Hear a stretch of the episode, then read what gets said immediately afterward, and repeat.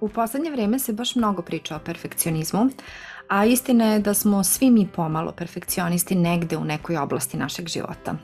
Pogotovo danas u vremenu u kojem živimo, sa društvenim mrežama i virtualnim svetom, perfekcionizam nikad nije više vrištao nego danas. I u današnjoj epizodi osvrnuću se na ovu temu iz biznis perspektive naravno, i dotaći ću se nekih od faktora koji dodatno podhranjuju tu našu perfekcionističku crtu, između ostalog ovaj savršeni virtualni svet u kojem žive savršeni ljudi sa savršenim biznis modelima, savršenim bankovnim računima, putovanjima, partnerskim odnosima i tako dalje i tako dalje. Iako svi mi znamo da to nije tako i svako od nas ima pravo da na mreže postavi sadržaj kakav želi, ja moram priznati i stati nekako u zaštitu i u odbranu da je to apsolutno u redu. Apsolutno je u redu ne deliti one tamnije, mračnije, strašnije, bolnije trenutke na mrežama, a ako ćemo iskreno, prosto ko je još, kome je još do snimanja i postavljanja sadržaja kada smo u tom stanju. I samo zato što nešto nije podeljeno na mrežama, što nije tako stravično i instagramično, ne znači da ne postoji. Danas, dragi moji, pričamo zapravo o stvarima koje podhranjuju naš perfekcionizam kada je biznis u pitanju, opet se ograđujem, a to je upoređivanje. Upoređivanje toga kako se osjećamo sa onim kako nešto izgleda na mrežama. Evo su zaista neuporedive stvari. Perfekcionizam je meni dobro poznata tema i mogu reći slobodno da je to deo mog identiteta već dugi niz godina i želim danas da mu stanem u odbranu a tebi želim dobrodošlicu u još jednu podcast epizodu. Hajde da krenemo od početka, može? Ubacit ćemo malo nauke, malo teorije za tako početak, jel? Pa ćemo posle da ovaj, to sve obrazložimo. Šta zapravo znači perfekcionizam, jel? Kratko u jednoj rečenici ja bih rekla da je to specifična sklonost da sebe sabotiramo. I zašto to kažem? Pa zato što perfekcionizam nije ništa drugo nego oduzetog prava na grešku. To je jedan specifičan, kao što rekoh, mehanizam koji nas brani, odnosno štiti od kritike, od greške, od neuspeha, javnog ismejavanja, osude, osjećaje srama, stida, blama, kako god da okrenete, spisak je podugačak. I kada ga posmatramo iz tog teorijskog ugla, neke tri opšte podele postoje i neke tri opšte, ajde kažem, vrste perfekcionizma koje možemo razlikovati. Prvi je taj koji je usmeren ka sebi. Znači ja moram savršeno da izgledam, savršeno da radim, da se savršeno pojavim za druge, da mi sve savršeno iz prve uspe, jer ja samo tako vredim. Jednom rečju, nerealne očekivanja koje dajemo, postavljamo sami sebi. Perfekcionizam, sa druge strane, koji je usmeren ka drugima, je očekivanje tog savršenstva od svog okruženja. I zato imamo visoke standarde za njihov učinak i strašno nas nerviraju tuđe greške. Daću vam jedan primjer. To je ono kad sedite na sofi, kao scrollujete po Instagramu i u svemu vidite manu. Ja, kako je ovaj snimio, ja vidi ovo što je editovao, editovao, evo vidi ovo što je rekao, pa tu fali kontekst, to ne može tako, vidi kako je postavio ovo, napisao, kako je prikazao neko pače sadržaja, jel? I nedavno sam razgovarala sa jednom koleginicom i baš sam joj rekla da me stvarno plaši društvo u kojem su slovne greške neoprostive. I da se razumemo, moj perfekcionista ih uvek namiriše, primeti i vrlo teško toleriše kod sebe i kod drugih, ali postoji jasna razlika između perfekcionizma i zdrave težnje ka nekom opštem standardu kvaliteta. Klasičan primer je dajem ovo, ovo im neko moje lično isto iskustvo, je kada platite neki program, ajde da kažem kurs, program, kako god, kupite nešto za nekih dobrih x, y eura i dobijete neku radnu svesku, neki PDF priručnik, kako god, vežbanku, koji nije formatiran, koji nije strukturiran, koji nije lektorisan i koji nije poređen u logičku celinu. E tu me niko neće ubediti da je ovo moj perfekcionizam i da sam ja netolerantna na tuđe greške, jer zapravo mi ovde pričamo o kvalitetu i pričamo o standardu kvaliteta nečijeg rada. Zato budite pažljivi da vam se slučajno perfekcionizam ne zalepi tamo gde vi govorite o kvalitetu, o korisničkom iskustvu, o standardu ispod kojih ne dozvoljavate sebi da radite. I kao treća opcija imamo socijalni perfekcionizam koji kaže ja moram da se svidim drugima i zato ispunjavam njihova očekivanja. I ovo je sad već stvar i granica i onog people pleasing ali pojma koji ja danas neću obrađivati. A želim u ovoj lekciji da pričam o perfekcionizmu u biznisu zato što on jeste zaista jedan od onih finih, elegantnih i vrlo pametnih sabotera koje su glavna prepreka napretku i rastu u biznisu.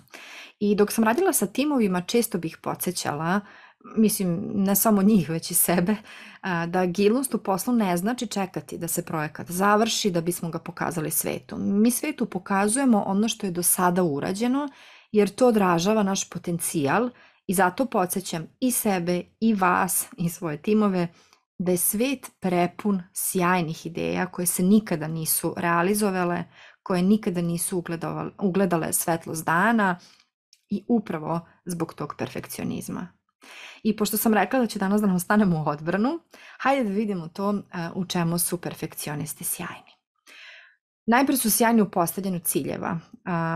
Nažalost, ne toliko u istrajavanju akcija koji ih voje do ciljeva, zato što teško im je da uživaju u procesu jer imaju poteškoće da fokus pomere sa rezultata, koji naravno moraju da budu sjajni, te su skloni nekom odlaganju, a kad smo već kod odlaganja, samo bih ovde spomenula da sam pričala u, u epizodi prokrastinacija, razumi zašto odlažeš, tako da ako spojite ove dve epizode dobit ćete jednu onako vrlo kompaktnu celinu. Samo kažem, ne insistiram.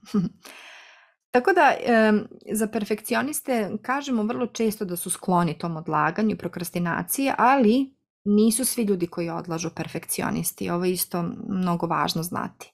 Odlagači a, su zapravo jednoj od najvrednijih ljudi.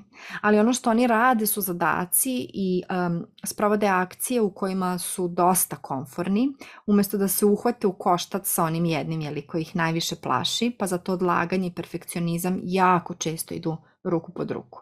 I to me dovodi do one instagramične floskule koje se plasira na svim živim jezicima, a to je kreni i kada nisi spremna. Ja ne znam, meni se diže kosa od glavi na, od ove rečenice – i hoću da se osvrnem na nju, pogotovo iz tog ugla ako ste skloni perfekcionizmu. Između prostora u kojem čekamo savršene uslove i savršen moment i ove naporne floskule koja se plasira, izlazi iz frižidera, jeli, postoji jedan prazan prostor. I taj prazan prostor je ispunjen osluškivanjem, razumevanjem, strpljenjem i milošću. I ako samo izgovorite sebi na glas Jovana nisi spremna, ali kreni čoveče, kreni jer nikada nećeš biti spremna. Samo primetite kako se osjećate. Kada sebi šaljete poruku da nikada nećete biti spremni i da sad treba da krenete zato što je sada moment iako niste spremni. Ako ovo radi za vas sjajno, ali pričamo o perfekcionizmu, tako da sam otprilike 99% sigurna da ovo ne uliva taj dobar osjećaj perfekcionistima, odnosno ljudima koji imaju perfekcionističku ili crtu u sebi. Tako da a, ova rečenica nekako ravna samokažnjavanju, jel? I ono što sam ja lično uradila za sebe, a kasnije sam to podelila sa svojim klijentkinjama, jeste transformacija ili taj reframing, kako ga zovu, ove rečenice koja zaista poziva na jednu lepu akciju. I umesto da kažem sebi, Jovana nisi spremna, ali nema veze kreni, jel? Ja sebi kažem, ej, u ovom trenutku ovo je najbolje što može biti spremno. I to je sasvim dovoljno da kreneš. Ja se osjećam kao svoj na svom. Sad samo primetite razliku između ove dve rečenice. Tako da ne, bi, da ne bismo sedeli, da ne bismo čekali taj savršeni trenutak u kojem su se neke savršene okolnosti poklopile, a sa druge strane da ne bismo vas da sebe gurale preko nekih granica sa tom izlizanom floskulom kreni kada nisi spremna, taj međuprostor treba ispuniti akcijom. Ali ljudi vrlo često misle da je to neka masovna akcija koja daje masovne rezultate, a zapravo to je ona fina, elegantna akcija koja pravi dugoročnu razliku i ona je uglavnom mala, poprilično uravnotežena, konzistentna i u ritmu je koji prati tebe. Znači ti diktiraš ritam, a ne da si ti ona koja prati neki društveni ritam, narativ ili ne da Bože ono što ti a, mentori serviraju. Akcija je najbolji pokretač za akciju zato što je mnogo lakše da promenimo neko uverenje, bilo da se radi o perfekcionizmu ili ne, i da promenimo emociju kada preduzmemo akciju. nego da sedimo i da čekamo i da mislimo da ćemo se osjećati drugačije, jeli? Kada se budemo osjećali drugačije, kada budemo mislili drugačije, e onda ćemo preduzeti akciju. I to je zapravo najefikasniji oblik svake motivacije svakog rasta. Taj mali napredak. On dolazi nakon preduzete akcije, a svaka ta akcija je pokretač motivacije, a ne obrnuto. I zašto vam sad ovo govorim kada danas pričamo o perfekcionizmu, jel? Pa zato što nas perfekcionizam štiti od rezultata te preduzete akcije i ako mi ne preduzimamo akcije, mi sebi uskraćujemo jedno iskustvo, učenje, lekcije, motivaciju i na kraju krajeva radost tog nekog stvaralaštva. Ne, nemoj to napisati, ko će to čitati, ko si ti da pričaš o tome, to se nikom neće svideti, uf, ne možeš takvu sliku objaviti, vidi na šta ličiš, tako se ne snima za Instagram, tako se ne radi reel, tako se ne radi ovaj format, nećeš valjda to da pustiš u javnost, mislim sad da ne nabrajem ovde, znate i same šta se vrti u vašoj glavi. I taj glas u glavi koji nam se ovako obraća takođe ima svoju ulogu koja primarno želi da zaštiti, a ne da sabotira. I ako mi ne znamo da prigrlimo i takve glasove u svojoj glavi, da sa njima vodimo konstruktivne razgovore, e onda takav glas radi protiv nas, a ne za nas. I čini mi se da smo možda i previše otišli u devijaciju sa tim pritiskom da se otarasimo i svog unutrašnjeg kritičara, i perfekcionizma, i odlaganja, um, zapravo svega to kao nešto što ne valja, to sve treba hiruški odstraniti i ono, kut koji mili moji. Ali ljudi, te sve emocije su prosto ljudske i ne daj Bože a, da možemo da ih se otarasimo, da ih više nikad ne iskusimo u životu. Zato što tada bismo živjeli jedan prazan i besmislen život, potpuno linearan, bez ikakvih oscilacija, bez nikakvih frekvencija. Ono prosto, ne, ne, ne znam ni kako bih to sad rekla, ali naše je, znači sreća se zaista i to neko zadovoljstvo unutrašnje krije u tome da vi prigrlite te svoje male glasove i tra, ove sabotere koji to nešto čavrljaju u vašem umu, da ih prigrlite, da porazgovarate sa njima i vidite šta ima dobro u njima. Zato što najčešće ono što nas najviše sabotira jeste ono što je naša super moć. I zato ovo govorim, zato što mislim, mislim da imam i dosta materijala da pričam na ovu temu s obzirom da, da taj, ajde da kažem, perfekcionizam već dugo, dugo jeste ovaj deo mog identiteta, kao što rekoh. Tako da, um, hoću i ovde malo da se ogradim, ja prosto razumem da u stručnoj literaturi piše da je perfekcionizam poremećaj, ali jednom perfekcionisti je već dovoljno teško dovoljno teško, što odlaže, sumnja, prepravlja, detaljiše, češlja, provodi mnogo vremena u istraživanju, analizi i onda mu na sve to društvo zalepi, e, to ti je prijatelju poremećaj, pa ti vidi šta ćeš. Da, jeste, perfekcionizam ima mračnu stranu, ali ima i svoju svetlu stranu, kao što su osobine savesnosti, izdržljivosti i snažnog osjećaja za taj kvalitet o kojem stalno govorim. I mislim da sam uh, u jednom članku pre nekog vremena, sad davno je to bilo, ali pročitala sam, to je bio Harvard Health, mislim, ali pročitala sam da su neki od najboljih hirurga na svetu perfekcionisti. Tako da, ne znam, ja kad se ovog setim, bude mi lakše. Znači, cilj je da pronađemo tu čarovnu ravnotežu savršenog rada i tekućih rokova i da steknemo naviku da pretvaramo svoje greške u strateško eksperimentisanje i sve to koristimo da radimo na svom identitetu. E, ostavit mi link za blog tekst koji sam pisala na ovu temu, perfekcionizam i agilnost u biznisu. Vrlo je kompaktan za sve vas koji radite na nekim projektima, pa ste možda se negde zaglavili, da li na početku, sredini i kraju, e, ili kraju, jeli, baš upravo zbog perfekcionizma. Ali hajde mi da privodimo kraju ovaj, ovaj razgovor, mislim ovaj razgovor ja sama sa sobom pričam u mikrofon, ali je dobro. Uh, hoću da spojim ovo um, sa agilnošću, jeli? Uh, jedan od principa agilnosti jeste da budete ok sa svojim greškama i vi ne biste verovali da se ovo uči i da se ovo trenira u firmama, u korporacijama, startup kompanijama. Znači mi, mi ovo vežbamo sa ljudima. To nije samo ono, eto, desila se greška, prigrli svoju grešku, uzmi nešto, nauči lepo iz nje i ajte kut koji mili moji. Ne, ljudi rade zaista na ovome dugo, ovo je jedan proces. Već ste čuli mali milion puta da je svaka greška samo povratna informacija, ali iza, iza ove rečenice stoji golemi posao koji mi treba da sprovedemo u život. Mindset ili ti način razmišljanja jeli, agilnih timova se trenira tako da greške posmatraju kao novo otkriće, i vrednu informaciju koja uvek ima za cilj da unapredi način na koji radimo, ali i kvalitet samog proizvoda ili usluge koje razvijamo i koje nudimo tržištu. Tako da jedno od pravila ili ti principa, jer ono, u agile nema pravila nekih, e, grešiti brzo je prilika za rano poboljšanje i mi stalno spominjemo ovo i stalno vrtimo u krug da ono, bolje mi da pogrešim uh, brzo jer imam onda uh, ovaj, tu rea povratnu reakciju da brzo odreagujem i da brzo popravim ono što nije, ne znam, sad neka golema, ogromna greška, jeli, već vrlo nešto sitno što se da a, lako i brzo popraviti. Tako da bih voljela ovo da zapamtite, da grešiti brzo je prilika za rano poboljšanje i velika je razlika između izvrsnosti i savršenosti. Za izvrsnost vam trebaju greške, to je glavna komponenta koja vas u stvari dovodi do toga da u nečemu budete zaista izvrsni. Jer taj uspeh, on dolazi zapravo iz tog učenja iz tih grešaka, dok jeli, vam težnja ka savršenstvu ili taj perfekcionizam oduzima unapred ovo pravo da pogrešite, da pogledate, aha, ovo nije uspelo i da onda na strateškom jednom nivou raščlanite, ja to volim da kažem hiruški, da raščlanimo to sve što se dogodilo i da vidimo, a vidi, vidi bogati ovde je uzrok, ovde je posledica, nismo mislili na ovo, jer mi smo uvek danas pametniji nego što smo bili uče, mislim, barem bi tako trebalo da bude, jel?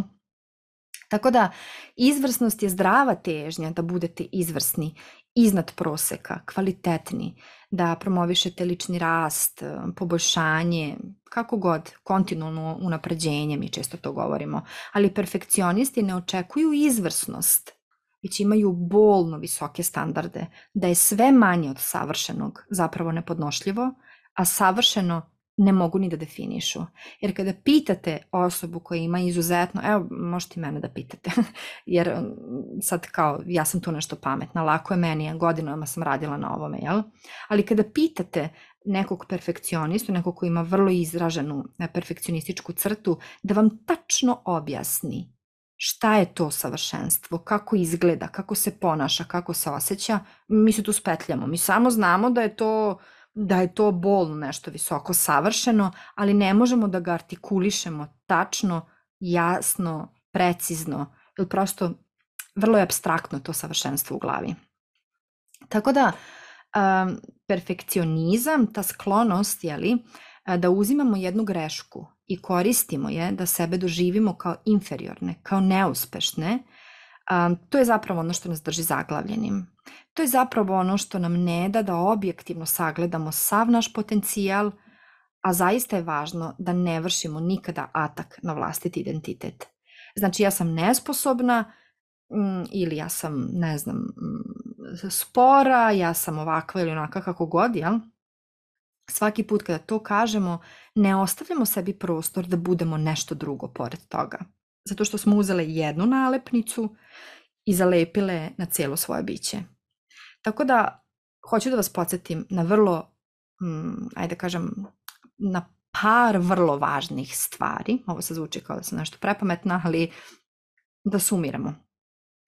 Prvo, ljudi smo. Mi pravimo greške jer smo pogrešivi. Ali mi nismo greška i zato nemojte da lepite sebi svoje greške i neuspehe na vlastiti identitet uradila sam ovo pogrešno je ok, ali ne da sam ja sam pogrešna ili kako sam uradila ovo, ne znam, smotano, ali ne ja sam smotana. Drugo, razmislite kako vam taj perfekcionizam pomaže da budete najbolja provera sobstvenog kvaliteta. Jer ponekad sapletemo sami sebe misleći da se radilo o perfekcionizmu, a zapravo imate standarde kvaliteta ispod kojih ne radite i amin mislim, ovo je moje, baš sam ovde ovako, baš sam ovde ovaj, e, srčana kada pričam o ovome, ali meni je upravo ovo nešto što mi u poslednjih 5-6 godina pomoglo da transformišem svoj perfekcionizam u nešto zbog čega ljudi dolaze da rade sa mnom, zbog čega ljudi vole da rade sa mnom, zbog čega ljudi mi daju novac na kraju krajeva, a to je baš to, da sagledate, prigrlite i da iz toga izvučete najbolje. Treće, ta rečenica koju smo malo pre ovaj, tumačili, kreni kad nisi spremna, brate, slatki, stvarno je užasavajuća. Mislim, ceo život ono, radimo neke stvari vrlo nespremne i sad još mi treba to, ono, kreni kad nisi spremna. Pa haj malo da pogledamo, je za nemoguće da ću proživim ceo život i da za sve živo budem nespremna. Ne, Znači, obojite ovo u svoje boje i ne budite tako surovi prema sebi, jer nije tačno da smo ceo život baš za sve živo nespremne, jel? Niko ne želi da živi i da radi tako na ivici provalije svaki put. Tako da ova sama rečenica jeste istina, ali može da zvuči potpuno drugačije. Nešto što vas umiruje, nešto što vas pokreće na tu malu inkrementalnu promenu, a ne nešto što vas gura van, mislim stvarno vaš, baš onako van zone tog komfora i tako dalje. I za kraj, um, Instagram je lepša strana našeg života, posla, kako god, ja? Niko nije dužan da, napostavlja, da nam postavlja na mrežu onu težu, mračniju stranu, bolniju, jer kada smo u tom stanju, pa nećemo se sigurno snimati, već ćemo se potruditi da budemo tu za sebe. I samo zato što na Instagramu viđemo savršenstvo u svakom obliku, to je dobar znak da sebe podsjetimo da ne možemo, kao što rekoh na početku, da upoređujemo ono kako se mi osjećamo iznutra sa nečim što vidimo kako izgleda s polja. I ako ne vidimo te mračnije, bolnije, malo drugačije, ovaj da kažem, malo drugačije lice perfekcionizma, to ne znači da to ne postoji. I ostavljam za kraj jednu malu komparativnu analizu perfekcionizma i agilnosti koja kaže Agilnost je kreiranje rezultata sa onim što trenutno imaš na raspolaganju. Perfekcionizam je odlaganje rezultata jer veruješ da nemaš sve resurse. Agilnost je svako tvoje izgovoreno da i, perfekcionizam je svako tvoje da ali. Agilnost je fokus na stvari koje rade, Perfekcionizam je fokus na stvari koje ne rade i koje bi mogle da ne rade. Agilnost je pogled na tačku do koje si stigla. Perfekcionizam je pogled koliko daleko moraš ići. Agilnost je kontinuirani proces u komu napređuješ ono što si započela, a perfekcionizam je strah da uopšte nešto započneš. Agilnost je tvoja radoznalost da naučiš čak i od nezadovoljnog klijenta Perfekcionizam je strah da će tvoj klijent možda biti nezadovoljan. Agilnost je znam X, primenjujem ga odmah, naučila sam Y i nadograđujem svoje X. Perfekcionizam je znam X, ali ne mogu da primenim jer ne znam Y. Lekciju vam je snimala Jovana, žena čiji perfekcionizam sedi pored nje svaki put kada radi ovako nešto, gleda je sumnjičavo i evo ja ću sada mu se nasmešim i da mu kažem prijatelju, sve je okej, okay. bezbedni smo. Do sledećeg slušanja, dobro mi budite.